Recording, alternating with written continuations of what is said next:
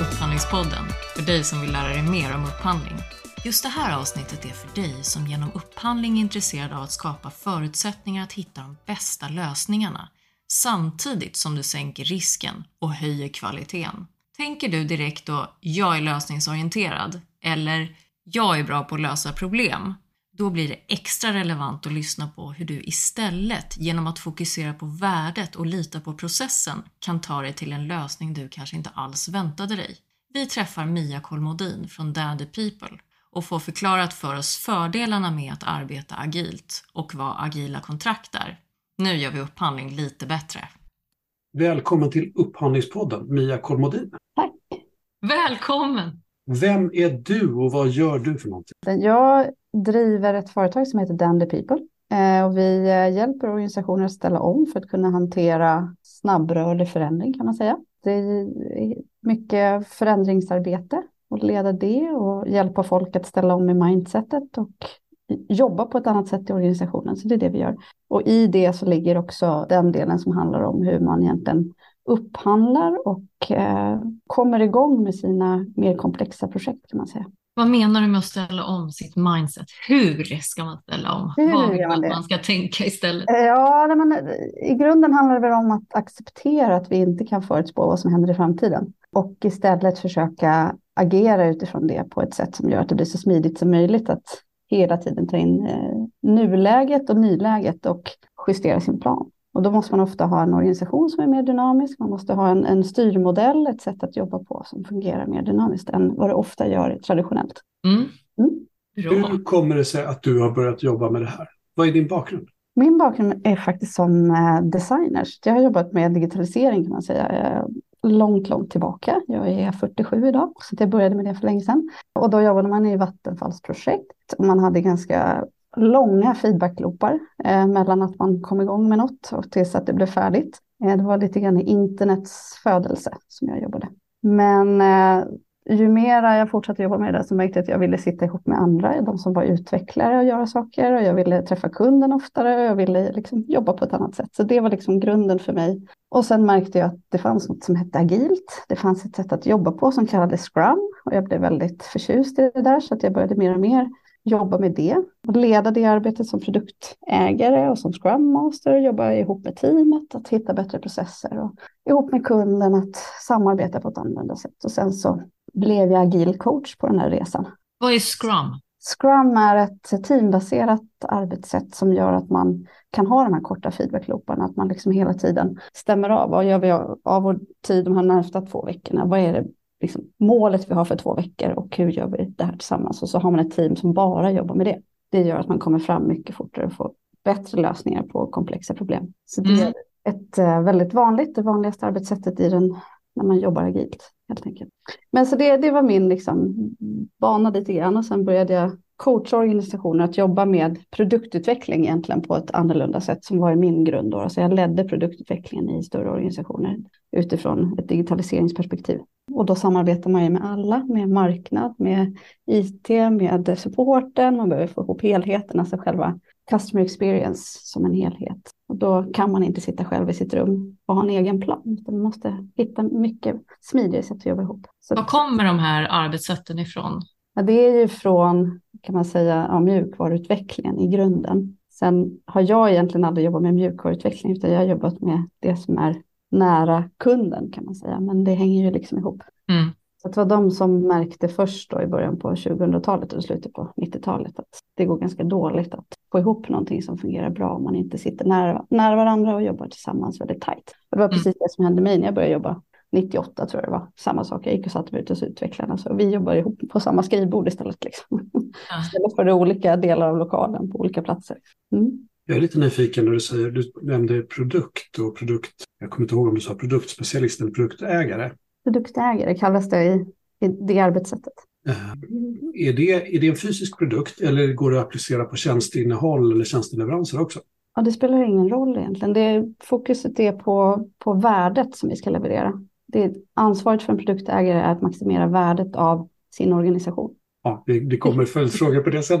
Ja, absolut. Jätteroligt. Och, och sen sa du att sitta tillsammans. Hur har det gått de sista åren? Har det varit liksom svårt, om du nu har det som arbetsmetodik, har det varit svårt ja. när vi har tvungit att sitta på distans och sådär? Hur har ni Nej, fått ihop det? Inte svårt, men annorlunda. Grunden i det här är att man innoverar hela tiden. Så att de flesta som jobbar med det här är ganska vana att lösa nya utmaningar, hitta nya sätt att göra saker på och hela tiden utforska hur kan vi göra saker bättre. Det ligger i det här att man alltid förbättrar. Så att omställningen för de organisationer som jobbade agilt gick nog ganska smidigt och för oss också. Så så fort vi märkte att oj då, nu eh, drar alla ner på hastigheten, folk stänger ner sina liksom, utvecklingsprojekt och, och våra konsulter blev lediga, då ställde vi om till att börja hålla digitala utbildningar istället eh, och byggde digitala utvecklingsprogram och allt möjligt och fick igång och fick in folk från hela världen som var med i våra utvecklingsprogram, för vi var bland de första som gjorde det. Kul, hela eh, världen. Ja, det var jättespännande faktiskt. Eh, ja. Vi gjorde sådana flera veckors program med utbildning där folk fick anmäla sig och så fick de vara med. Och så hade vi tagit fram det här några veckor innan ihop också med folk från, från olika delar av världen som också är agila coacher. Så vi, då jobbade vi digitalt och gjorde det i Miro och Mural. Vi använde Zoom. Vi hade ju de här verktygen innan men använde dem inte lika ofta. Och sen mm. hade vi redan utbildningsmaterial som låg på en digital lärplattform och då började vi bara bygga ihop saker. Så. Vad är den roligaste upplevelsen från det? Roligaste? För mig var det nog att vi sågs mycket oftare faktiskt när vi började jobba digitalt. För annars är mina medarbetare ute hos våra kunder hela tiden och fokusera. Men när man kan ses digitalt då kan man ju liksom ses hela tiden, varje dag. Så på något sätt, det var nog nästan det roligaste och att det hände väldigt mycket fast det kändes annorlunda. Liksom. Det var väldigt så här, evolverande upplevelse tycker jag som individ att vara med om det. Mm. Mm. Hur svårt är det att hitta tydlighet i, i, i målen med lösningen av den uppgift som ska göras på, på kort sikt och på lite längre sikt i en sån omställning. Hur, hur lätt är det att landa i liksom dagens problemställning eller veckans problemställning? Hur, hur, hur svårt eller hur viktigt är det att ringa in det? Det är jätteviktigt. Det man börjar med är att förstå vilket problem ska vi lösa. Sen hittar man hur ser vi att vi har löst det. Det är det som är liksom effekten av det vi gör. Ehm, och det är det som är det, det, viktiga och det kan man ju titta på lång sikt. Det är det här stora samhällsproblemet eller det är det här problemet för våra kunder eller för vår verksamhet som vi ska lösa. Eller då på kortare sikt på två veckor. Då bryter man ner problemet i delproblem. Istället för delmål så blir det snarare delproblem som man ska hitta lösningar på. Och de lösningarna kan ju då se väldigt olika ut. Det är det som är utmaningen för de som är i teamet eller teamen. Hur svårt är det att hålla fokus just då på problemet och inte lösningen? Ja, alla tycker det är väldigt kul att gå in i lösningsmode. Fantastiskt roligt. det kan ju nog alla hålla med om. Så det är ju svårt. Det är ju lite det som då är den här produktägarens huvudroll egentligen, att eh, hålla fast vid, löser vi problemet. Det där är fel problem, vi borde inte jobba på det, vi pausar det just nu. Och säga nej till idéer och lösningar och kanske saker som inte fokuserar på rätt problem. Sen hjälper det här arbetssättet oss att alltid fokusera. Det det är visuellt, man träffas varje dag, man tittar på vad kan vi göra vår tid idag, kan vi hjälpas åt med den här saken? Man ser till att alltid försöka avsluta något som är påbörjat istället för att börja med nya grejer. Så det, det, är verkligen ett väldigt bra arbetssätt som hjälper oss att, att göra det på ett bra sätt ihop. Men hur visualiserar ni processen då? Jag vet inte om ni känner till något som heter Kanban, men uh, ja, kanske. Nej. Man visualiserar, egentligen visualiserar, ja, Kanban, man visualiserar oftast den processen man har. Alltså nuläget, så här ser processen ut, vi gör saker så här. Och sen så visualiserar man arbetet, hur det ligger till i de här olika kolumnerna. Så att man kan göra det för rekrytering, man kan göra det för upphandling, man kan göra det för just nu bygger vi det här sjukhuset på hög strategisk nivå eller man kan göra det på mer detaljerad nivå på det som man just nu kanske har inom en del. Så att det är liksom en grunden. Sen har man i Scrum paketerat om det till ett mycket enklare ramverk som är mycket lättare att komma igång med. Och där har man bara, det här är våran backlog, saker som vi har tagit på oss att göra. Och det kanske är fyra saker som vi har sagt den här sprinten att vi ska göra, som är den här två. Och sen så visualiserar man, bryter ner, för att varje sak ska bli klar, vad behöver vi ha gjort för någonting? Och det gör man ihop i sitt team och då vet man ju vad de här sakerna är. Och vi kan ha kommit överens om att ja, men vi ska ta fram den här grejen, vi ska kolla med kunden att den funkar eller vi ska prova att göra färdigt, eh, testa och sen så kanske den kan vara färdig eh, till att man skickar iväg den, får feedback på den eller någonting. Så att eh, det är ofta enkla visualiseringar men ganska kopplade till, till det arbetet vi gör. Jag känner igen det du beskriver från ett lean arbetssätt. Precis, där använder man Kanban. Är det samma sak skulle du säga, eller är det här nästa steg? Jag är inte så hemma i Scrum-världen och hela Nej, och det. Det är modernt för mig. Ja, skillnaden är lite grann i lean så försöker man ta bort waste, där saker och ting eh, ändrar sig och inte beter sig likadant hela tiden. Eh, man försöker linjera saker och ting. I, i det agila så är det snarare att vi vet att det är komplext och snabbrörligt. Vi kan inte förutspå vad som händer. Så att man gör korta feedbackloopar istället. Samlar teamet. Det gör man inte i lean. Där kan vem som helst jobba i vart som helst i processen i stort sett. Man bygger inte team. Så att det är lättare då i det agila. Det, det är framtaget för att hantera komplexitet och innovation inom där det är okänt. Okända domäner. Finns det några flera skillnader mellan agilt och lean? Det finns många likheter. Det... Vad, vad är för likheter och vad är för skillnader? Ja, det är samma, liksom, ofta många, man delar principer, man delar värderingar, att man liksom bygger på tillit, man jobbar med transparens, eh, man ser till att göra färdigt saker och ting, inte påbörja nytt. Så det finns väldigt många likheter. Så man har lånat mycket från lean som var tidigare när man start, byggde upp Scrum-arbetssättet. Men i, i, eh, i Scrum och i det agila så är, handlar det om att innovera och hitta på nya saker oftast. Och det, viktiga, det är viktigt att hålla samma team och det har man inte behov av i, i lean-processen. Där har man kanske redan då innoverat, man har hittat en, en sak som fungerar, man ska massproducera den till exempel. Då vill man effektivisera processen och se till att, att få så lite waste i den som möjligt. Så ofta gör ju organisationer både och, speciellt om de då kanske har hårdvara eller gör saker om och om igen till exempel. Men hur gör man då för att handla upp det här sättet att jobba? Alltså man, ja, om man vill jobba så, vad gör man? Precis, och det, man kanske först och främst vill man väl lösa problem, tänker jag, det vi pratade om innan. Och då är det, behöver man ju titta på att man, eh, man förstår det här problemet och kan hitta lösningar på det. Så när man väljer en leverantör så behöver man testa deras reella förmåga. Eh, att verkligen förstå att det här teamet, som det ofta är då som man kanske upphandlar, man upphandlar sällan lösa individer, man vill ha ett team som kan fungera och jobba ihop för team. Gruppdynamiken är jätteviktig, det tar ungefär sex månader att få ett högpresterande team. Och det är det vi förväntar oss av agila team som jobbar då kanske i Scrum till exempel. Så det tar ett tag innan de här har kommit ihop sig och funkar. Då är det bra att tänka på det. Och då vill man testa deras förmåga. Och när vi jobbar med agila kontrakt och coachar organisationer och så, så kan man prova det här i något som kallas code camps till exempel. Och är det inte kod man ska göra så kan man ju kalla det någonting annat byggcamp. Om man ska bygga, ja, bygga någonting eller byta takstolar, jag tror vi pratade om det förut som exempel, då tar man in leverantörerna, man ser till att det är de personerna som faktiskt kommer jobba på uppdraget. Man ser hur de samarbetar och man ger dem uppgifter som är lika då, då att utföra ett arbete och ser om de har förmågan att göra det arbetet och kanske lösa de problemen som då kanske är mer komplexa, för att vi vill testa det också. Och sen så ser vi om de förstår de här kundbehoven. Så att vi förstår om de kan utifrån problembilden också förstå kundens behov och kanske jobba ihop med kunden som då kanske eventuellt är på plats. Mm. Så att man testar, dem, eh, man testar dem på riktigt. Liksom. På riktigt, ja. ja. Så här utför ni uppdraget och då är de duktiga, de som är bäst, de får gå vidare till att utföra hela projektet ja. eller uppdraget eller vad det är. Mm. Precis, så gör man ofta. Det kan vara så att man upphandlar flera som också kan på något sätt rotera i något längre uppdrag. Det kan ju vara längre åtaganden ibland över flera år där man vet att man kanske behöver fler leverantörer. Just det. Mm. Mm.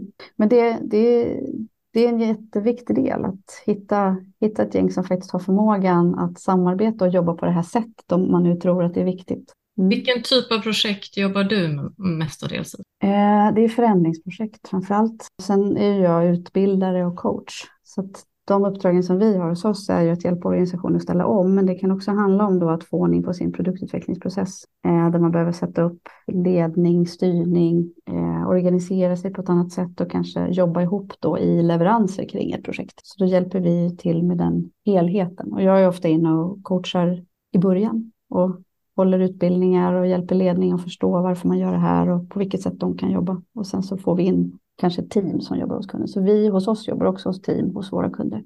Mm. Mm. kan man anlita dig då för att, eh, om jag säger att jag behöver driva ett, ett eh, förändringsprojekt i min organisation, eh, kan man anlita dig för att stödja den organisation jag sätter upp i min egen organisation för att driva en sån förändring, ett sånt projektteam eller ett sånt förändringsledningsteam? Eller, eller, eller förutsätter det att, att jag också köper projektledningstjänsten av den förändringen? Nej, alltså vi kan coacha, vi jobbar oftast, vi är ju coacher Eh, agila mm. coacher. Och vi jobbar egentligen ihop med andra och genom dem kan man säga, genom att hjälpa dem att göra saker ihop. Kanske visa hur man gör, kanske hålla i det lite grann. Men eh, vi är inga traditionella förändringsledare och inga projektledare. Eh, men vi kan hjälpa till och se till att man ställer om samtidigt som man levererar ett projekt till exempel. Mm. Och visa hur man gör det här på ett hållbart sätt och få alltså, organisationen att fungera och kanske vara rådgivare kring hur sätter upp den här organisationen. Mm. För det är en del när man upphandlar agilt också, att sätta upp sin egen organisation förstås, som ska motsvara ofta kundens organisation. Så man behöver ha lite grann samma förmågor som man, eller leverantörens förmågor, för att man ska få lite maktbalans. Mm. Så att man också kan samarbeta, för då bygger man ju gemensamma team ofta, lite grann, som faktiskt jobbar tillsammans i det här. Mm. Och då kan vi vara coacher och rådgivare och hjälpa båda parter ihop helt enkelt och få det att funka. Men skulle du säga att det här arbetssättet inte lämpar sig i någon typ av eh, arbete eller kategori eller vad man ska kalla det för? Alltså när lämpar sig det inte att jobba så här? Finns det något? Eller är det alltid bra? Jag skulle säga att det alltid är bra. Det kanske inte behövs ibland, men det skadar inte. Och Alltså har man en väldigt liten business, man är enmansföretagare, självklart så det kanske är overkill, men du kan fortfarande visualisera alla dina projekt och saker du ska göra så att du själv har koll på grejerna. Det hjälper ju dig enormt mycket. Men, men annars så fungerar det egentligen precis vart som helst och är väldigt hjälpsamt. Vi har jobbat bland annat med äldrevården, ställt om äldreboenden att börja jobba så här. Fungerar enormt bra. Det gjorde vi bara på tre månader superresultat med strategisk framdrift, eh, medarbetarnöjdhet så här och kundnöjdheten. Alltså det ger jätteresultat på ofta ganska kort tid om man nu får göra det man ska göra. Det är, vissa organisationer är ganska svårt att, att släppa det gamla. Men när man väl börjar så händer det ofta ganska fort väldigt positiva saker. Mm. Och vi båda är ju aktiva kan man säga i en bransch som just nu ställs inför ganska stora förutsättningsförändringar kan man säga. Det sista året har varit dramatiskt mm. och, och kommer kanske att bli ännu mer så. Och jag ser ett jättebehov av att, att framförallt kanske förhålla sig till förändring ur ett ledningsperspektiv och ur ett genomförandeperspektiv. Men, men också att, att kunna genomföra det. Hur tungt det är idémässigt när man kommer ur en period som har haft väldigt varianter på temat då, men fixa förutsättningar under väldigt lång tid. Och det finns liksom en affärsidé eller en, en genomförandidé och sånt där. Och nu är allting på ett helt annat vis. Liksom. Mm. mm. Och, och, så behovet finns. Men jag har, också, jag har också lite svårt att se att, att en sån förändring ska kunna drivas inifrån. Att det verkligen behövs hjälp med någon som kan sätta ner saker i en, en, antingen en styrd innovationsprocess eller en styrd förändringsprocess. Uh, ja, alltså jag, jag, jag, jag, tror att jag kommer att behöva hjälp. Ja. Men jag förstår vad du menar, för det, nu, det händer ju väldigt mycket. Jag vet inte om ni känner till begreppet black swans, men sådana här oförutsägbara händelser, det har ju varit enormt stora sådana nu. Och det gör ju att mycket ställs på ändan och just nu med inflation och allting så gör det ju att budgeten är i slut redan Eh, första halvåret så har vi ingen budget kvar. Och då måste man ju innovera ofta. Det kan hända väldigt mycket positiva saker när man har det så. Det är ofta då man faktiskt gör de här förändringarna som är väldigt positiva. Så jag tror man, man kan se det ur ett positivt perspektiv att nu har vi faktiskt möjlighet att göra någonting riktigt jäkla bra. Och då är det ju bra att få in hjälp utifrån, några som har gjort det här förut. För annars så måste man ju lära sig de här sakerna själv, vilket tar mycket längre tid. Så vårt jobb är ofta att komma in att liksom visa på här är de sakerna ni kan prova att göra. Vi hjälper er att sätta upp och göra de här grejerna och då vi kan nästan garantera att ni får fler hundra procents förbättringar i hastigheten på leveranser, alltså medarbetarnöjdheten, den ökar bland det första som händer oftast. För när man får tillhör ett team så mår man mycket bättre och man får stabila team, man kan jobba med ledarskapet, man jobbar bort saker som är liksom skadliga för medarbetare och som skapar stress, alltså både interna stressorer och externa stressorer. Så kan de också göra jobbet som de är där för att göra och inte fokusera på politik eller andra problem. Så man får en sån enormt stor positiv effekt och ofta ganska fort. Även om de strategiska, om du har ett projekt som tar fyra år att leverera, det är klart det här kanske gör att det tar två år att leverera, för ofta halverar du leveranstiden på stora komplexa saker när du jobbar så här. Men det tar ändå två år. Men du kan se delleveranser oftast mycket fortare, för det är en del i det här att man kan bygga, som om man bygger ett sjukhus så liksom bygger man kanske om en del och sen så kan verksamheten fortsätta under tiden för att man liksom planerar det så. Och så lär man sig ganska snabbt där och så fortsätter man till nästa del med de lärdomarna och man har liksom byggt upp förmåga hos de här teamen. Man har lärt sig vad som funkade där och inte funkade och sen så går nästa mycket fortare att göra. Så gör man liksom del för del. Det gör man också när man jobbar digitalt. Så man planerar alla leveranser på ett sådant sätt, vilket gör att verksamheten ofta kan fortsätta under tiden. Man ökar förmågan steg för steg och man får liksom ut värdet då kontinuerligt. Så det finns jättemycket fördelar och jag tror hela offentliga sektorn skulle må enormt bra av det här. Vi skulle spara enorma skattepengar. Jo, men bara i, i den metoden som du beskriver. För lite i, i ja, vi nämnde det tidigare, som i offentliga mål är ibland väldigt eh, övergripande och kanske inte heller så väl målformulerade utan är mer kanske en riktning eller ett politiskt önskemål om en politiskt önskemål om en detalj som ska lösas. Mm. Men just med eh, målnedbrytningen eller problemnedbrytningen, den är ofta närmare till hands och närmare till hands att tänka på och jobba med. Och det finns ju en, en, en väldigt stor kunskap ute i organisationerna om vad som inte fungerar. Mm. Hur gör man för att liksom samla medlemmar? Då? För jag tänker en förutsättning för det du säger, att kunna jobba med att skapa en bättre nöjdhet, en bättre delaktighet, är ju att involvera de som verkligen jobbar i det. Men hur, hur liksom sourcar man de här teamen internt? Hur får man med alla? Hur övertalar man dem och vilka ska vara med och vilka ska inte vara med? Nej, alltså det man oftast gör det är att titta på liksom, vad, är våran, vad är syftet med vår organisation? Vad har vi för strategiska mål? Vilka behövs samlas för att vi ska kunna leverera på de här? Och då kan man ofta gruppera lite grann och se att de här kommer behöva vara involverade för att det här ska hända i en process kanske. Och då bygger man en liten eh, miniorganisation kring det. Och så det kan ju bli liksom flera team som samarbetar kring att göra någonting, eh, att uppnå någonting. Då. Och ibland så som på, i det här eh, äldreboendet till exempel, då separerade vi det operationella arbetet och det strategiska.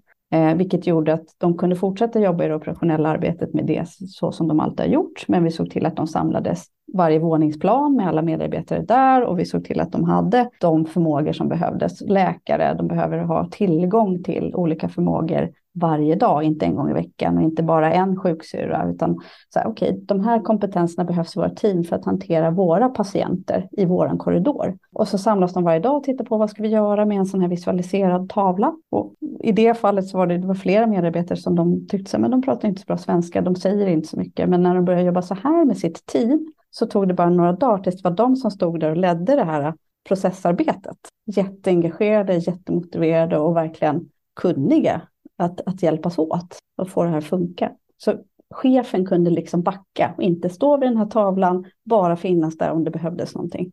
Mm. Så att ofta samlar man de som behövs kring det arbetet som kanske redan görs då rent operationellt, eller om det finns strategiska behov. I det här fallet på, på äldreboendet så kunde då varje sånt här team titta på vilka av de här strategiska målen vill vi bidra till. Och då kunde det vara att ja, man vill sätta upp någonting som har med eh, växthuset ute på gården eller förbättra någonting kring eh, ja, någon rolig aktivitet med något dans eller, eller se till att alla lär sig om eh, någon specifik sjukdom eh, så att vi sprider den här kunskapen till alla. Okej, okay, då jobbar de med det målet under en månad eller någonting med en viss del av sin tid. Så att man, man, liksom, man tittar på arbetet som ska göras och de uppdrag som finns, både strategiskt och operativt. Och sen så samlas kring det. Och egentligen så det kanske finns folk som man tror inte vill vara med, men ofta om de förstår varför och får vara med och bidra till hur det här ska göras. Så att man, man talar egentligen inte om att ni måste göra så här. Man utbildar och man säger uppmuntrar, prova det här. Sen får ni välja själva. Mm. Och då, då släpper det här lite så här trycket att jag är tvingad att göra något eller jag är inte riktigt önskad här eller jag är för gammal för det här eller vad det nu är. Så det brukar liksom gå över. Ja, det känns som att man jobbar med tydliga effekter då alltså förändringar, det här, vi vill uppnå det här. Och mm. så är man väldigt tydlig med det så att det inte är bara Precis. fluffigt och puffigt. Utan, ja. Exakt, ganska förtydliga. Då kan man jobba med olika metoder. Som på det här äldreboendet då, som exempel så satte vi upp något som heter Objectives and Key Results. Då coachade vi ledningen i att, att skapa de här, liksom bryta ner de här strategierna i strategiska mål.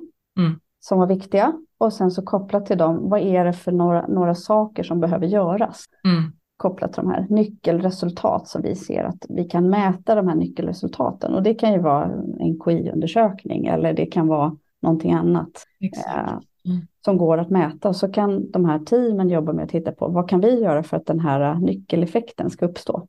Mm. Så att coacha ledningen att sätta de här målen på ett sådant sätt att de faktiskt är kopplade till några effekter och är prioriterade och tydliga och inte för många.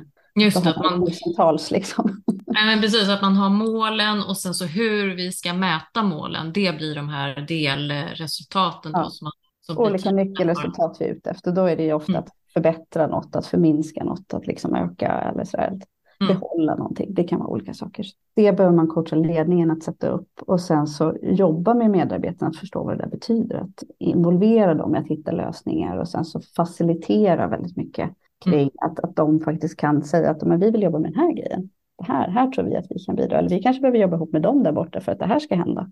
Mm. Det är liksom ett sånt ja, strukturellt förändringsarbete och faciliteringsarbete som man behöver Mm. Kanske få hjälp i att komma igång och göra. Så sånt hjälper vi ofta till att göra som agila coacher. Då. Att förändra det här, att hjälpa till, att sätta upp det. Hur jobbar man i det här nya? Vilka metoder är vanligast för att mäta de här resultaten då? Nyckelresultaten? Det kan ju se extremt olika ut. Alltså, det viktiga är ju att det finns en effekt i det där, att någon, någon gör någonting som gör att det blir annorlunda. Och har man medarbetare som ska använda det här, då är det bra att fråga dem. Eller se resultatet av det de gör, har det förändrats? Så gör vi färre fel efter att det här har blivit klart? Mm. Eller, och det kanske går att mäta i att det kommer in färre liksom, rättningar eller färre formulär som måste skannas om. Eller det kan vara väldigt olika. Eller om du har ett sjukhus, så då kanske det är att det ska vara liksom mindre incidenter kring det där. Eller det ska vara lättare för sjuksyrrorna att göra den där grejen. Så det kan ju vara på väldigt olika nivåer och väldigt olika sätt. Men ju mer kvalitativt man kan få ett resultat, desto lättare är det ju att hitta nya lösningar om det inte funkar. Så att istället för att mäta någonting som blir långt bort, en, en liksom effekt som kommer sent, så är det bättre att kunna betrakta, gå ut och prata med, be dem prova en prototyp, se mm. om det verkar funka. Då får man liksom fortare feedback och den är då kvalitativ i och med att du ofta kan ställa följdfrågor. Mm. Varför gjorde du så där? Eller hur tänkte du när du använde den där grejen på det där sättet? Aha, då måste vi kanske tänka om. Eller skulle man kunna byta hjulen på den här sängen så den går att köra snabbare, bättre runt hörnen så vi inte kör in i dörrarna här? Ja, det kanske man kan göra. Så det där är superviktigt att de som utför jobbet också är de som testar. Mm. Inte att någon annan testar åt dem. Och då kan man ofta se att de hittar nya lösningar lättare och inte kör på en lösning bara, sen levererar den, tycker att nu är vi klara. Sen kanske man mäter sex månader senare, så, oj, vi har inte fått någon effekt, vad tråkigt. Mm. och sen kan man följa upp efteråt och, och se lite längre bort. Då. Fick vi den här övergripande effekten liksom, som, som kommer lagging, kan man, kallar man det då, lagging indicator, eller leading indicators och lagging um, resultat. Då, liksom. Mm. Så det låter som den som är, är, inblandad i processen, i förändringen och den gruppen som jobbar tajt med det också ut, utvärderar det. Ja, jag är helt med på, det finns någon halvrisig översättning där med ledande och laggande mått och sånt där, saker ja. man gör och saker som blir konsekvenserna av det. Men, men eh, du sa testning, det är jätteroligt. Det vill säga att testa hur, hur gick det eller vad blev konsekvenserna? Det behöver inte vara perfekta mätetal egentligen för att kunna utvärdera det. Eh, och, och, kvalitet. Precis, för kvaliteten. Skulle man kunna testa det i en, en mer liksom, administrativ eller mer liksom, eh, abstrakt process? Liksom? Hur, hur, kan man göra det där då? Ja, dels så kan det väl vara, alltså, ofta om man förbättrar processer säger vi, då är det ju kanske antalet fel eller hur lång tid det tar att göra det här. Eller om jag som ny kan göra det här, nyanställd. Det ska liksom vara lätt att komma igång. Jag ska inte behöva en upplärningsperiod. Eh, Sådana saker. Det kan också vara att du ser att det, de som sitter och jobbar i det här behöver inte ha en lunta med en exakt detaljbeskrivning på exakt hur de ska göra. Många har det. Och så sitter de där och experter, de kanske till och med gjort den där själva. Jag har jobbat med att byta ut sådana system då är det ganska svårt att få dem att släppa det här och inte känna sig hotade för att de är ju experterna på just det här systemet eller den processen. Och mitt jobb är att se till att vem som helst kan göra det här i stort sett. Och att det ska gå mycket fortare, att du kan hantera dubbelt så många förfrågningar eller vad det nu är för något som ska flöda igenom processen. Det är målet med jobbet vi gör. Och då gäller det att få med sig de där, vara med och testa, hjälp oss att utvärdera det här, var en av de som hela tiden testar det vi gör. Och då kan man ju mäta om det faktiskt går för den personen att göra saker fortare, men du kan också mäta på vem som helst då, att de, de sätter sig och provar och gör någonting. Och så märker man att men det här gick ju. Du behövde inga instruktioner.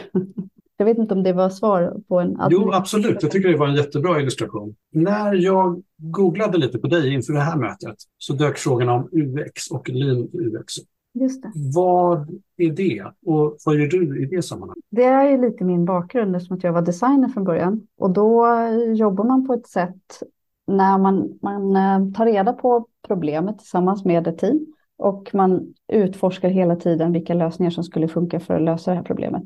Och de feedbacklooparna gör man så korta som möjligt. Det kan röra sig om timmar. Man jobbar väldigt snabbt och prototypar för att hela tiden utforska saker och ting. Så det är det som är grunden i det som heter Lean UX. Och UX i sig är user experience, alltså användarupplevelsen. Och det kan ju vara utifrån vad som helst egentligen. Det måste inte vara en digital tjänst eller produkt, utan det är ju precis vad som helst. Det kan vara liksom hur jag upplever mitt kontor och min stol och att sitta här och prata med er i det här digitala verktyget, liksom helheten också. Så det är det det handlar om och det började väl komma för sådär en 15 år sedan kanske, något sånt. Så att det har inte med det här Scrum att göra som vi pratade om, utan eh, men där som man kan jobba samtidigt i Scrum och göra det här. Så att det liksom är ett, ett, ett, ett tillägg till hur man jobbar för att egentligen maximera att vi gör rätt saker, det som produktägaren är ansvarig för så är hela teamet ansvariga för att man gör rätt saker och man utforskar saker tillsammans. Man sitter inte och gör, liksom, jobbar i faser så mycket, det gör man inte när man jobbar agilt generellt heller. Men det här hjälper till att verkligen fokusera på kunden, på användaren, på värdet och att verkligen lösa nya typer av problem, kanske på nya sätt, så att innovera. Mm. Mm. Och det vet jag även om man bygger sjukhus. Vi har ju massa på, på webbplatsen som jag och Mattias Gardin har tagit fram tillsammans där Eh, agilakontrakt.se. Där finns det ju också massa exempel som man kan läsa hur andra har gjort. Och där finns Karlstad sjukhus med som ett exempel. Och då när man byggde Karlstad sjukhus så använde man partnering, man eh, använde agila kontrakt, man var noga med att se till att de medarbetarna som kom från olika leverantörer också hade verkligen fokus på att göra det här jobbet. Så att man skrev ett litet kontrakt med de olika vdarna på respektive bolag och cheferna där.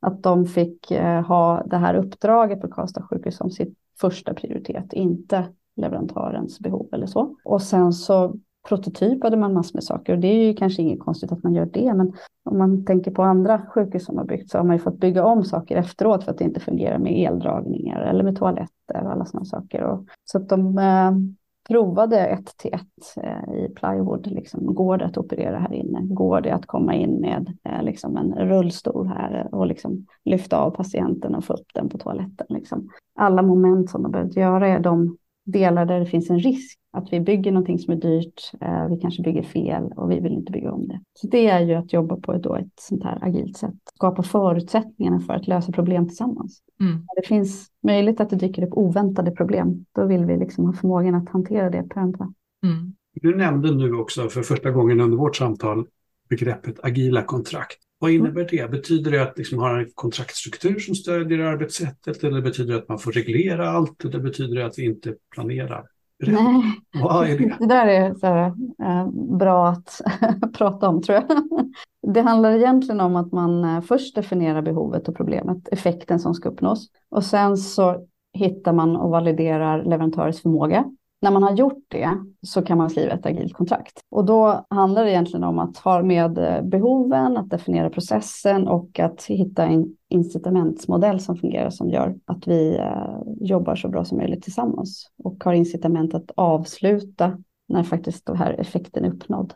Det brukar vara viktiga grejer. Så den eh, agila kontraktet innehåller de tre delarna egentligen. Och då känns det, det kräver också en, en ganska nära dialog inbillar jag mig, om man har olika parter som ska komma överens om de delarna. Jag tänker att skapa en incitamentstruktur. Jag som, jag som köpare eller upphandlare, jag brukar formulera det och göra det på hemma på kammaren och kanske testa det ute på marknaden. Men sen så blir det liksom min modell och den stämmer inte alltid överens med mm. eh, leverantörens incitament att driva saker och ting på. Det känns som det är någonting som behöver komma fram i någon form av knådande tillsammans. Är det så? Jo, alltså he hela processen i sig, det handlar om att bygga förtroende mellan parterna. Mm. Där man hela tiden måste liksom hitta ett samförstånd. Eh, och eftersom när man jobbar agilt så egentligen syftet är ju att bli färdig så fort som möjligt, inte bli färdig på budget, inte bli färdig exakt det datumet vi sa att projektet skulle vara slut, utan helst i förtid och vi vill ju ha delleverans hela tiden. Mm. Och då måste det vara upp till beställaren att säga att nu är vi nöjda med de här leveranserna vi har fått, vi har uppnått effekten, vi vill gå vidare till nästa projekt till exempel.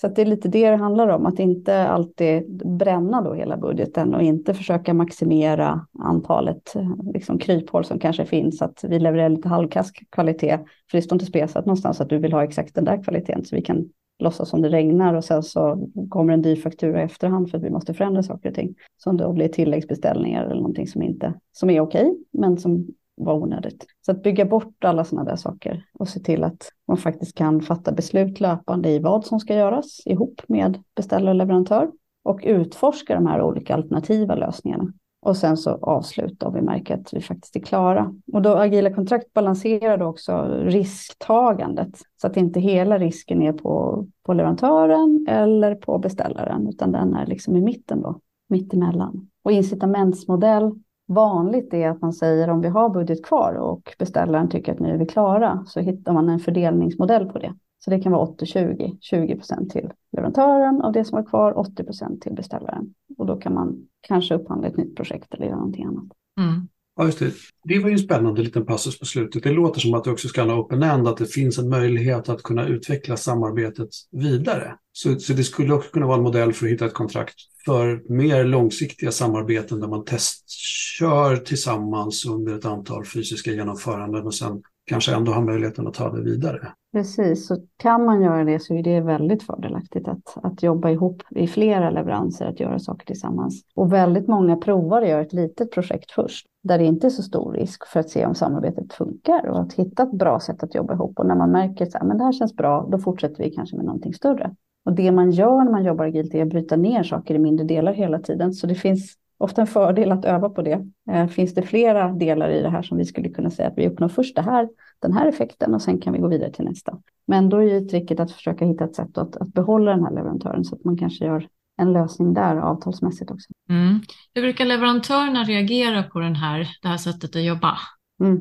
De flesta i våran eh, nisch i alla fall, som är då mycket mer digitalt oftast, så är de flesta väldigt eh, vana vid det och de tycker att det är bra.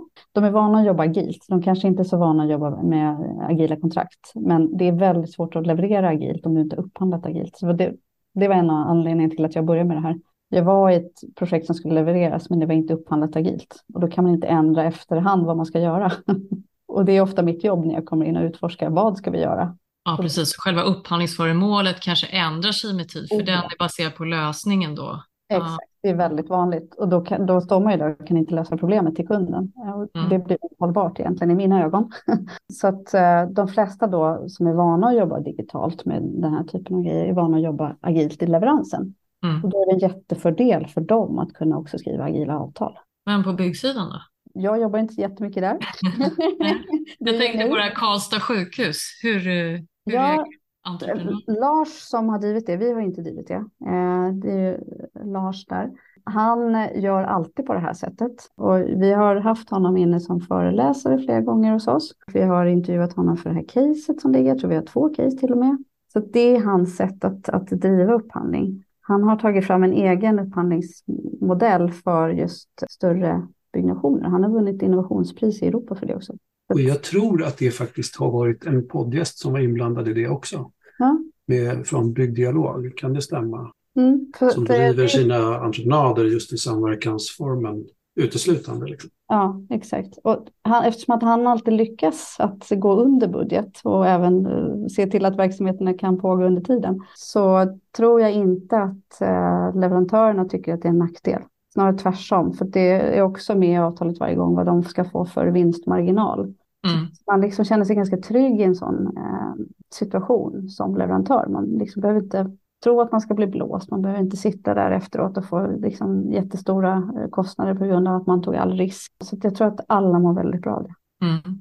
Men det låter som det kräver en ganska hög närvaro i själva projektet och projektgenomförandet. Man kan inte sitta som en ganska passiv kund och vänta sig att det ska komma någonting förande. Det känns också som det krävs rätt mycket av projektgenomförande kompetens för att kunna driva det, stämmer det? Ja, jag skulle nog säga det. Eh, precis, förmågan hos beställaren är ju avgörande för att det ska funka egentligen. Både initialt att faktiskt kunna definiera de här problemen som ska lösas och sätta effektmål är inte helt lätt. Eh, och sen att kunna samarbeta med leverantörerna i det här. Att vara närvarande, att kunna prioritera, att kunna liksom kanske hjälpa till att mäta de här effekterna löpande och kunna bestämma lite grann vad som är viktigast just nu. Så det är ofta det som man behöver vara involverad i. Och sen kanske förstås vara den som knyter kontakter i organisationen och liksom se till att, att man liksom kan prata med rätt folk och sådär. Mm. Spontant som köpare av väldigt många byggprojekt varje år så kan jag känna att vi har en bit kvar att gå. Ett effektivt genomförande. Så att det låter som det finns mycket att göra. Ja, ofta har man ju ett, ett projektkontor det kan ju jobbas i det på det här sättet också. I projektkontoret jobbar man på det här sättet. Det är det Lars gör egentligen. Så ofta har man kanske, man har redan eh, en del i organisationen som kan börja prova att jobba så här och se om det faktiskt fungerar bra även för dem. För att ofta, även om man har standardiserade sätt att, att göra saker på, så behöver man ju också se hur det funkar i organisationen. Man vill respektera, respektera liksom roller och lite grann, men samtidigt kanske då utmana hur det här görs att göra det på ett annat sätt för att faktiskt få en annan effekt. Det behöver man då kanske ha lite stöd i att göra, men när man väl har gjort det så är det ofta liksom en förmåga som byggs upp i organisationen som sen också kan spridas. Mm. Mm. Vi ska inte handla upp lösningen framöver. Är det det du vill säga? Ja, ja precis. Om man bara sammantar allting. Ja. ja, och man behöver inte då tänka ut allt i förväg, vilket är en jättefördel. Ja. Det är en av de stora fördelarna med det här, att man liksom kommer igång på en gång, man minskar risker, man får ROI mycket fortare. Man behöver inte sitta och fundera ut allt i förväg och vara nervös för om man har missat någonting. Mm. Så man kanske kan jämföra lite med funktionen, att man vill handla upp en funktion, alltså det här behovet har vi, hur löser ni det? Ja, precis. Mm. Det är det absolut bästa. Mm. Jag är lite inne på det som du säger, så här, kunskapsspridningen och det som också är kanske utmaningen i, i en skillnad i, i mindset, en förändring av mindset egentligen. Så här, i, I stora projekt eller projekt där många kommer och går så har vi sett, tycker jag, i alla fall branschmässigt, att det är ett ganska starkt individberoende. Det kan ju bygga på att vi har väldigt olika kompetenser med oss in. Liksom. Men hur får man till eh, liksom kompetensspridningen i sin organisation? Hur får man till det här goda exemplet? För det låter på dig också som man måste inte ta det största från början. Du kan börja med något litet. Du kan också både formulera behoven och problemen allt eftersom. Finns det någon patentlösning för att få spridningen i sin egen organisation?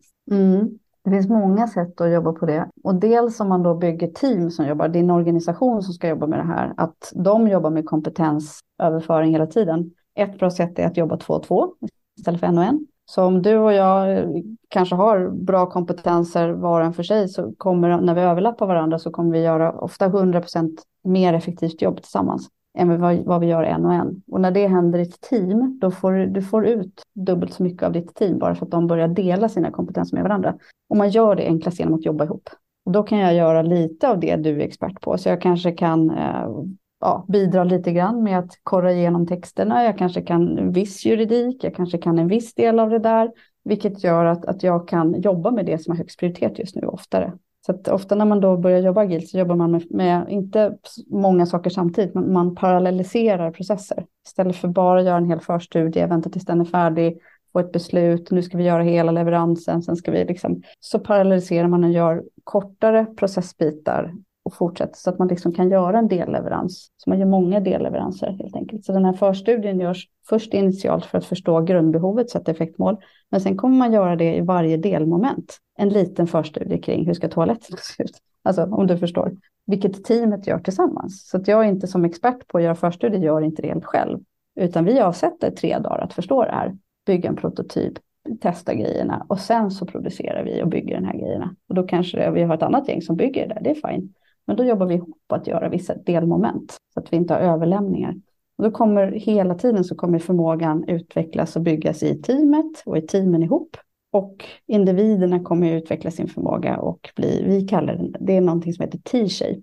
Istället för att vara, eh, bara ha ett I, att jag är expertkompetens inom en viss del, så får jag ett T jag börjar bredda min eh, kompetens och få en mer generalistförmåga kring det som vi har ansvar för tillsammans. Som mm. jag ofta jobbar med att bygga sjukhus eller skolor eller någonting. Och jag jobbar ofta med upphandlingsdelen. Men också är en del i själva leveransen. För det är det som är viktigt också. Att man faktiskt har samma gäng som fortsätter att jobba ihop sen. Då kommer jag att utveckla min förmåga inom det här. Att lära mig fler saker hela tiden. Jag kan tänka mig att det är en, det är en process att komma dit. Att ändra sitt mindset. Men när man väl har gjort det, upplever du att eh, när du väl har lärt dig det så är det någonting du inte kan ta tillbaka utan då är det det sättet man, alltså du kan inte tänka traditionellt. Ofta är det nog så ja.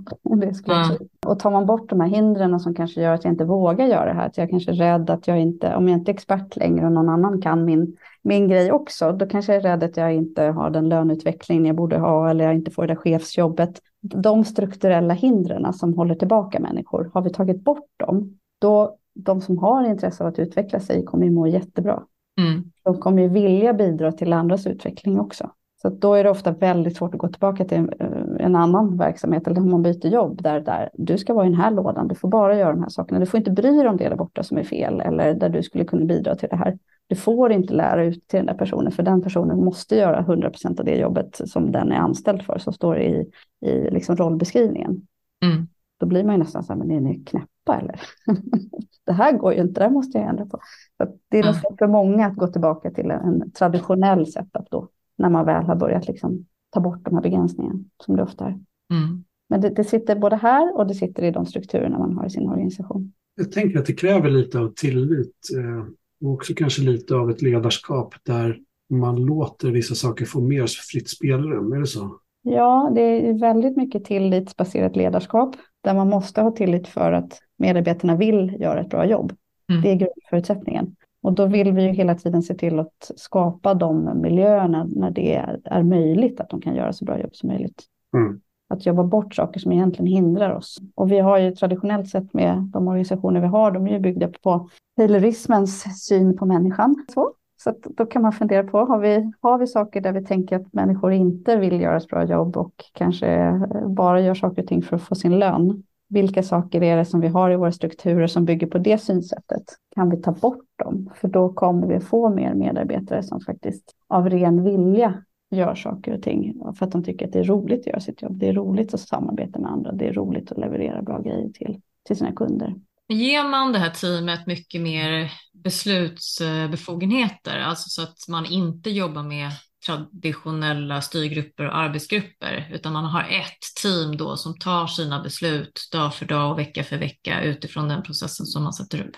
Precis, det är det man vill komma till. Ja. Att man får ner mandat till de som ska göra jobbet, för det går mycket fortare då. Och då sparar man massa onödig väntetid oftast. Och så har man en person som är närvarande som har mandat att ta beslut. Så i det här Scrum, då är den här produktägaren har mandat att fatta affärsbeslut. Och i en, så som ni jobbar, så ni kan ju också använda Scrum om ni vill det. Men då kan man säga, men nu har vi liksom Magnus här, han har ju mandat att fatta beslut. Han ingår i vår projektgrupp, han är ansvarig för att prioritera ur ett affärsperspektiv. Perfekt. Då har gruppen, teamet, mandat att fatta beslut. Då kan man ju delegera sig att alla beslut som handlar om de här frågorna, ni fattar beslut själva. Eller jag vill gärna bli meddelad vad ni har för lösningsförslag. Eh, och så, så kanske vi ses varje morgon klockan nio och så pratar vi igenom de här sakerna. Och så presenterar ni era lösningsförslag och så säger jag fine, kör. Så det finns ju liksom olika nivåer av delegering. Man brukar prata om sju nivåer. Att, att gå ifrån att bara en person kan fatta beslut till att teamet har förmågan att fatta så många beslut som är möjligt själva. I inköpsvärlden alltså, jobbar man ju ofta eh, i en sorteringsmodell där man har en, en kategoristyrning där vi jobbar med olika typer av kategorisering av våra inköp. Liksom. Mm. Och där har ibland, de som har kommit lite längre, har en roll som kallas för kategoriledare och den låter ju ganska mycket som en produktägare. Det vill säga någon som har i uppdrag att formulera en strategi för den här kategorin och se till att inköp görs effektivt inom just den kategorin. Just det. Skulle det vara tänkbart? Kan man, kan man använda det här i inköpsprocesserna också? Det låter det som. Så jag tycker man ska respektera befintliga roller som finns i organisationen. Så kan man se, finns det någonting som kanske just, behöver justeras i uppdraget möjligtvis. Så att om man tänker att man ska vara ansvarig för att maximera värdet av de här upphandlingarna så låter det mer rätt i mina öron. eh, och det, det, kan vara ord bara eller det kan vara hur man gör det där. Så att om man tittar på hur görs arbetet, är det involverande? Finns det möjlighet att justera utifrån nya eh, liksom, findings som kommer längs med vägen? Annars kanske vi justerar lite grann hur det här jobbet görs. Men då kan den personen ha mandatet, fortsätta ha sin roll, vi justerar så lite som möjligt för att uppnå det här som vi är ute efter. Så jag tycker det låter alldeles lysande. Sen kan jag tänka mig också att det är lite en utmaning. Det är så jäkla härligt att vara expert och kunna saker och, och, ha andra som lyssnar på det man säger. Men det låter ju som att man också behöver vara ganska beredd att utmana. Alltså man måste också dels ha respekt för varandras bredd eller varandras olika kompetenser, men också att man på något vis måste kunna lägga sin egen kompetensprestige eller djupa kunskap lite åt sidan i den här typen av grupper. Mm. Ja, precis, för jag tänker också det att man behöver liksom inse att vi vet inte allt. Så, så de lösningarna som kanske snurrar runt i mitt huvud kan, kan vara någonting som om ett år är helt förlegat, så vi kanske behöver ta fram någonting annat eller tänka helt annorlunda. Och liksom vara ödmjuk nog att förstå att jag kanske inte vet allt och ingen kanske egentligen vet allt eftersom vi vet inte vad som är om fem år och vara öppen för det och liksom kunna då hitta de här processerna som man kan innovera. Precis. Och mycket i det handlar ju om gruppens trygghet med varandra, alltså att bygga en psykologisk trygghet, vilket har är jätteviktigt med ledarskapet som du sa. Och att jobba med att teamet kommer ihop sig och verkligen börja lita på att man har en plats i teamet. Man får göra sin röst hörd och allas perspektiv är viktiga. Så ofta behövs det en facilitator också i det där gemensamma arbetet. Att liksom börja innovera tillsammans. Så att, så jag kan inte alla de här sakerna som vi ska göra framåt, men jag har viktig kompetens med mig som är viktig. Just det. Den kommer vara viktig för hela teamet, allas kompetens. Vi är här därför att vi har viktiga saker och bra förmågor som vi bidrar med. Men vårt samarbete kommer att avgöra om vi lyckas eller inte.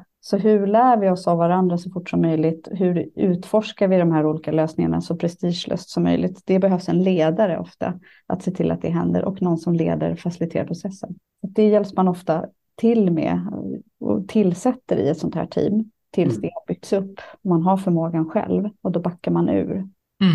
Eh, för att komma dit. Sen jobbar man ju mycket med värderingar. Så de, de, här arbetssätten är ganska värderingsstyrda. Så att man tar bort egot i rummet, man fokuserar på den gemensamma uppgiften. Man försöker liksom verkligen se till att man respekterar varandra, man har transparens mot sina kunder, sina stakeholders kring arbetet som ska göras och vilka hinder som finns. Så det finns liksom grundvärderingar i det här som är väldigt hjälpsamma. Men det, det är ett, ett jätteviktigt jobb att jobba, att bygga den här tilliten i teamet och tryggheten. Jag tycker det låter väldigt tillämpbart i liksom alla försörjnings och upphandlingsprojekt om man ska vara helt ärlig. Så det, det låter som en mycket bra lösning. För där är det ju ganska vanligt att man samlar grupper med helt olika kompetenser och att det finns en del utmaningar i både processledning och ägarskap och ansvar för det. Men då kan man alltså dela upp de rollerna i, i modellen och arbetssättet på ett vettigt sätt. Ja, och det som ligger i de här arbetssätten är att man har delat upp rollerna. Man delar upp det här att maximera värdet som produktägaren är ansvarig för. Och så separerar man det från att vara ansvarig för process. För det är en roll som heter Scrum Master i Scrum. Den jobbar bara med att, att se till att öka flödet i teamet, alltså att man kan leverera så fort som möjligt. Så de två rollerna är liksom två grundpelare i team. Och sen har du medarbetarna som behövs för att hitta lösningen. Och de är mm. ansvariga för lösningen. De är inte processansvariga eller andra saker, utan de har fokus på att hitta rätt lösning. Mm. Det är helt rätt. Man separerar ofta. Om man ska handla upp på det här viset, eh, då gäller det att man har också stor tillit till leverantörerna. Mm. Och där kan ju ofta beställarna alltså sitta på dåliga erfarenheter för att det inte funkat i leveransen tidigare och sådär. Hur ska man eh, göra för att hitta det där förtroendet för att leverantören kommer sköta det man mm. vill? Jag tycker man ska använda den här processen där man faktiskt jobbar på att bygga tillit. Använd processen till att göra det och utgå inte ifrån att nästa leverantör kommer att, att bete sig som andra gjort innan. För om du gör det, då bygger du ju ofta väldigt höga murar och man ställer liksom, ja, sätter olika klausuler och grejer och, och håller på för att man ska straffa den andra i förväg.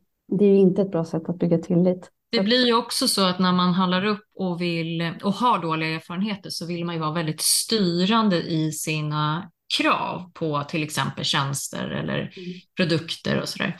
Så att man inte är öppen för de nya lösningarna som finns. Ja. Så det är någonting man, man får jobba på. Och tar man lite hjälp i den här första gången man gör det här så lär man sig också sätt att göra för att, för att bygga bort den här oron. Att man då faktiskt provar förmågan hos leverantören. Man kanske ställer krav, precis som Lars gör när man bygger sjukhus, att vdn ska skriva på det här pappret. Mm. Att verkligen säga att ja, den här, de här personerna som är hos er, deras första prioritet är alltid projektet.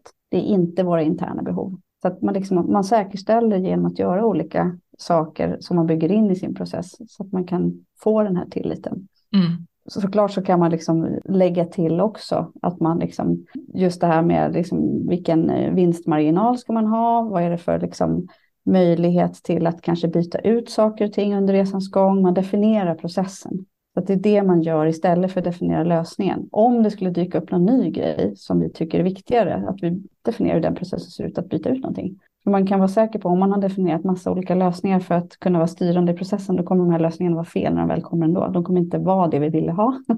för saker och ting har antingen ändrats eller så tänkte vi fel. Så man tar jättestor risk om man jobbar på det sättet. Jag tror risk, risken att man hamnar fel med de där styrande sätten att, att jobba på är nog mycket större tror jag. Mm. En risken om man skulle jobba på det här sättet, att man får problem med sin leverantör. För att syftet är också att man ska lösa problem tillsammans. Mm. Det finns ju ramar i de här avtalen också som stipulerar. Man kan vara mycket hårdare med kvaliteten från leverantörerna med ett agilt avtal. Om man testar ju löpande om det faktiskt funkar. Gör inte det, då får vi se till att lösa det. Kan ni inte lösa det, då får ni byta ut personal eller vi får avbryta det här. Mm. Så att man försöker bygga bort de här riskerna istället och hela tiden hitta sätt att bygga bättre relationer. Där vi faktiskt hela tiden jobbar på att skapa förmågan tillsammans att leverera något som funkar. Ja, precis. Så har man en dynamisk process som du säger, då kan man ju också ändra mm. under tidens gång. Så man är inte fast i det man har beställt. Mm. Nej, det är det som är grejen. Man sätter man är fast i effektmålet, men de här behoven, Just de definierar man kanske till 80 procent. Och sen så en liten minimal del av det som vi tror är lösningen. Och sen kan vi byta ut saker som är ungefär lika stora. Mm. Sen så kan lösningen i sig växa fram. Så vi behöver bara förstå väldigt lite av lösningen från början och vi behöver inte förstå alla behoven. Och dyker det upp nya behov så kan vi fylla på med 20 procent och vi kan också byta, byta ut behov som vi hade och trodde vi skulle prioritera till någonting annat som är ungefär lika stort. Vilka upplever du är mest mottagliga på beställarsidan för den här typen av sätt att tänka? Oh, vilka? vilka är minst mottagliga? Ja, men jag, jag hör ju att många säger i den offentliga sektorn att man är så styrd ifrån de här liksom, eh, politiska direktiven och så. Men jag, jag, tror att man kan göra väldigt mycket där och vi ser ju, vi har jobbat med TLV till exempel, eh, där man gjorde en agil upphandling. Eh, vi vet ju att det går. Vad är det? TLV? Tandvårds, eh, nu kommer jag inte ihåg exakt men det... Tänder? Tänder, någonting. Tandvårds, jag kommer inte ihåg nu. Eh, väldigt långt ord i alla fall. Så att, och har man då behovet och kanske ser att det inte fungerar med de leveranser man har idag, så är det här ofta en möjlighet att påbörja en förändringsresa. Verkligen förändra också hur man jobbar med det löpande underhållet, i det man beställer sen. Som mm. Många som jobbar med det digitala har ju verkligen de behoven. Man upphandlar inte någonting färdigt utan man upphandlar någonting och sen fortsätter man ju att leverera hela tiden. Det mm. kanske är så också i, i byggbranschen att man, man bygger lite sen utvecklas verksamheten men kanske inte riktigt lika vanligt att det går så fort. Men så att jag tror det händer på massa olika ställen. Kanske är det så att det är nästan svårare i eh, privat sektor. Man är väldigt hårt styrd ofta och man sitter inte, man, man jobbar inte ihop lika mycket på, på i många delar. Så att det kan vara att sourcing sitter helt själva och de jobbar och stödjer i vissa processer, men de är inte involverade i det här agila förändringsarbetet som pågår ofta i utvecklingsdelen, utan de sitter centralt. Och då kan det ta ganska lång tid innan de kommer med och faktiskt börjar göra på ett annat sätt. Så det, det är min upplevelse att i privata företag så är det lite trögare. Mm. Mm -hmm. Det var ju väldigt intressant faktiskt, måste jag säga.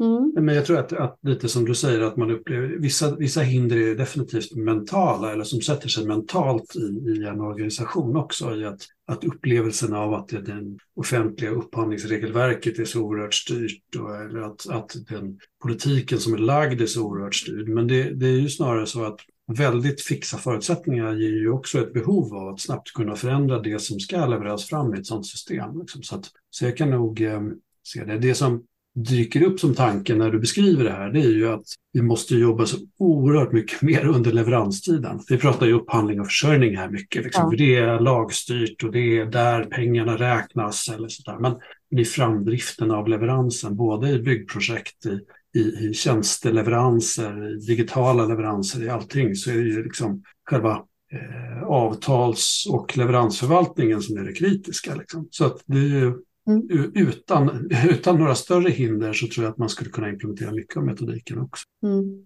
Ja, ja, det är ju själva leveransen som effekten uppnås, men det måste ju kopplas tillbaka till det här avtalet och att vi vet att vi får förändra saker och ting. Eh, Just det. Mm. Mm.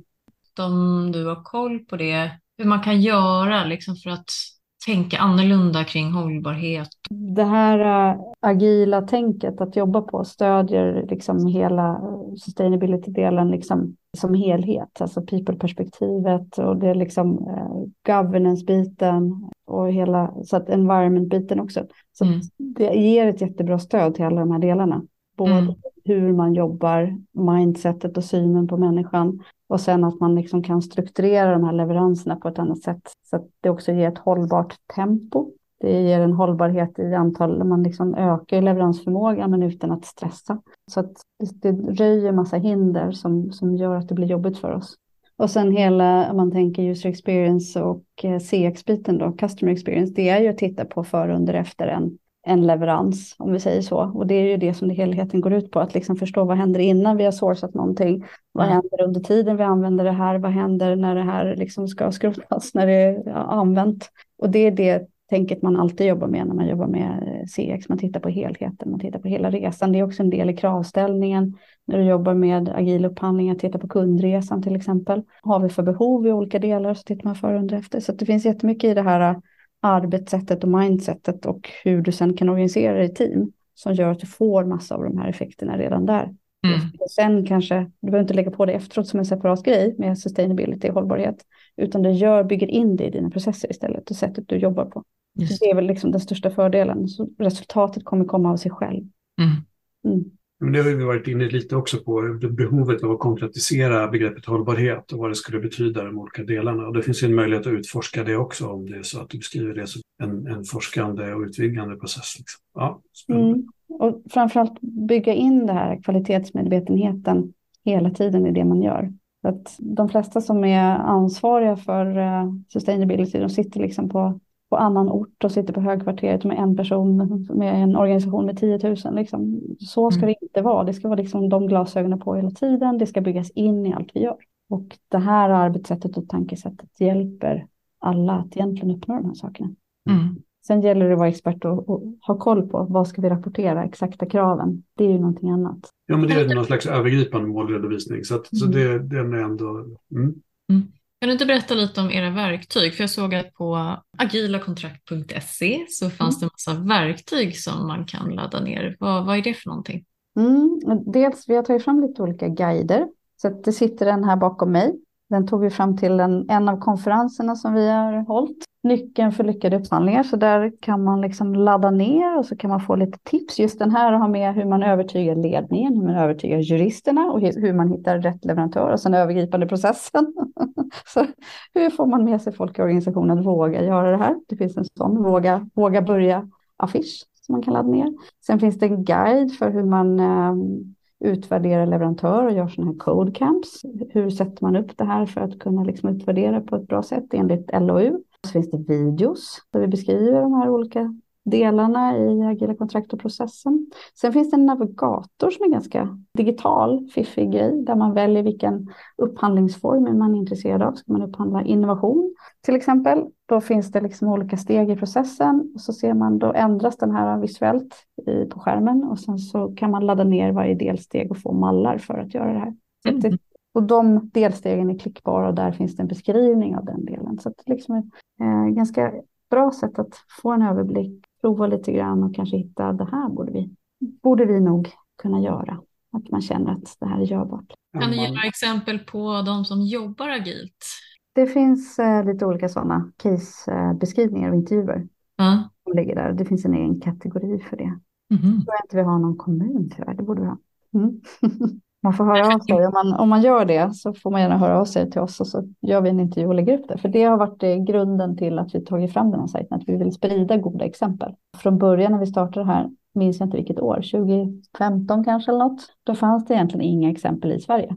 Så då började vi jobba ihop med eh, folk som vi kände i Finland och i Danmark. Och så samlade vi deras goda exempel och så hade vi första konferensen i Köpenhamn. Sen när vi hade två år senare, tror jag, här i Stockholm, då fanns det svenska exempel. Så det har liksom kommit igång ganska sent jämfört med de andra nordiska länderna här. Jag tror det har mycket att göra med den här tolkningen av LOU. Mm. Vilka var först i Sverige, vet du det? Nej, jag vet inte. Tyvärr. jag borde verkligen ha svar på den frågan. Kan man anlita dig eller er att få en guidning genom eh, de här beskrivningarna också? Att få det liksom live-föreläst?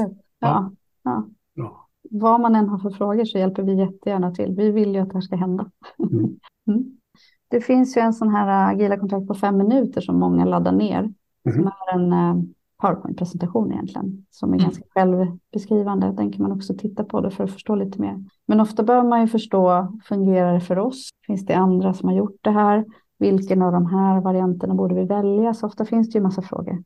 Mm. Mm. Vad bra. Ska vi försöka knyta ihop säcken? Vad säger ja. du Jessica? Ja, nej, men jag tycker det. Alltså det här är, jag vill ju nästan börja själv. Ja, jag kände direkt att nu är det dags att väcka upp de här gamla, mina gamla lean-arbetsmetoder som jag inte har använt på jättelänge och jag ska sluta sitta och vara byråkrat och, och vakta på mina områden och, och sluta att misstro leverantörerna och ja, allt möjligt så här. Men jag kände att jag har en bit kvar. Jag, jag, Nej, då, men, eh, nej, men verkligen så att det är ett behov av att driva ett förändringsarbete och, och kunna ha med sig en väldigt positivt laddad metod. Och bara de bitarna som jag själv hade med mig i just linspåret, som ju ändå är bara en, en väldigt begränsad del av det här, och har provat lite frågor om styrda innovationsprocesser och sånt där som, som gör att här, det är ju så jäkla roligt. Det mm. arbetet i sig blir ju mycket mer kreativt än styr, rapportera, leverera och trassel i arbetsgrupper och liksom så här som, som gör att det, ja, det, det kändes roligt. Så att ja, det här det är klart det är saker vi ska med oss. Mm. Vi behöver ju förändra väldigt mycket, dels för att nå de här hållbarhetsmålen, men, men mm. också ja, men för att bli effektivare generellt. Mm det krävs ju nya arbetssätt. Det krävs eh, att vi förändrar våra arbetssätt för att bli effektivare och för att nå hållbarhetsmålen så att, eh, så att vi verkligen eh, tänker nytt, skapar förmågan att tänka nytt, alltså förutsättningarna för att kunna tänka nytt. Det är jätteintressant, alltså viktigt är det. Det är jätteviktigt och speciellt nu när det, det är svårt på många sätt. Men då finns det en jättestor möjlighet att faktiskt göra annorlunda. Ja, och det du nämner också att ja, men det som normalt sett tar fyra år kan vi göra på två år istället. Den, mm. den besparingen, mm. det blir ju en enorm besparing att kunna se det. Kan man se det i de här exempelcasen till exempel som ni har på er hemsida? Eh, ja, det står på olika sätt. Hur mycket budget som fanns kvar och hur fort det gick och vad de var vana vid och sådana saker. Absolut, och det finns många exempel i, eh, från den agila världen på business case på hur mycket fortare det går. Och bara att se besparingarna, besparingsmöjligheterna är ju en enorm morot. Ja, det borde vara det, eller hur? Ja, det borde faktiskt det. Ja. Har du tre konkreta tips till en upphandlare eller upphandlande organisation? Har du Ja, gå in på Agila kontrakt, bli inspirerad, lyssna på den här podden, det kanske du redan gör då. Och sen våga prova och få med dig lite folk, våga prova tillsammans och prova en liten skala först. Välj någonting inte så riskfyllt projekt och prova att göra det här på ett annorlunda sätt. Och var inte rädd då för att be om hjälp. Jag tror att det är jätteviktigt. Bra tips. Till en leverantör? ja, och där är, de sitter ju ofta lite i bakvattnet. De har redan kanske blivit inbjuden till en upphandling som är uppsatt på ett visst sätt. Men eh, utnyttja att du kan prata med eh, beställarna innan en upphandling. Var lyhörd för det här och kanske kommunicera att du är intresserad av det här. Och kan inte det här så ta reda på hur kan ni göra för att faktiskt jobba utifrån agila kontrakt och kanske ha med det mindset i era leveranser, vilket är en omställning i kanske personalfrågor, det kan vara många delar. Eh, så sätter in i det här också. Mm. Ja, och då tänker jag också att en leverantör behöver kanske också lite utbildning i det här för att förstå vad det innebär och hur man ska hitta sin väg in hos beställarna. Precis. Hur hittar du din väg in hos beställarna? Vem pratar du med? Jag. Ja. Eh, det är ofta de som har behov av att göra något annorlunda som hör av sig till ja. oss. Ja. Och vi är så duktiga på att kommunicera och dela med oss och då, då hör folk av sig. Mm. Sitter de på helt olika roller, de folk som hör av sig? Är det, kan det vara vem som helst? Typiskt är att de är ansvariga för någon typ av liksom större leverans eller organisation och de behöver samarbeta med andra organisationen eller de behöver bygga upp någon ny del i organisationen och behöver få den att fungera annorlunda. Eller så kan det vara så att man sitter i någonting där man inte får ut något. Man kan ha jobbat i tio år och det knappt levereras någonting och då är det panik. Mm. Mm. Man har ansvar för leverans eller resultat. resultat. Ja, ett resultatansvar, precis. Eh, mm. Det kan också vara medarbetare, många medarbetare som mår dåligt och stressade. Det är också en effekt man ser om man inte gör det här bra. Så det kan finnas många varianter till varför, men ofta har man liksom ett, ett strategiskt ansvar för en större del i en organisation. Eller så. Mm. Mm. Wow, säger jag. Magnus, nu kör vi. ja, jag är lyrisk. Ja, precis. Jag ser problemen som var... Nej, jag skojar. jag har... Eh, nej, men som jag sa inledningsvis, jag, jag har ju en del behov av förändringar och eh, några idéer rakt in egentligen, att sätta igång och leda och driva saker och ting på ett lite annat sätt. Men också utmaningen att få med, med en, en stor köparorganisation som har haft en vana att göra saker och ting på ett visst sätt under lång tid. Mm. Och din jag, fråga jag, där, vilka ska vara med? Egentligen normalt sett så är det de som vill. Bra. när du ska komma igång, eh, se vilka är det som har viljan att vilja förändra och vilja göra någonting annorlunda. Stötta dem, ta med dem. De är, de är de positiva krafterna som kommer få saker att hända. Mm. Och gör man inte det så slutar de, så det är väl bra. Börja nu. Mm. Bra. Mm. Tack för Vad bra du har varit på att förklara tycker jag. Alltså det blir så konkret och, och bra.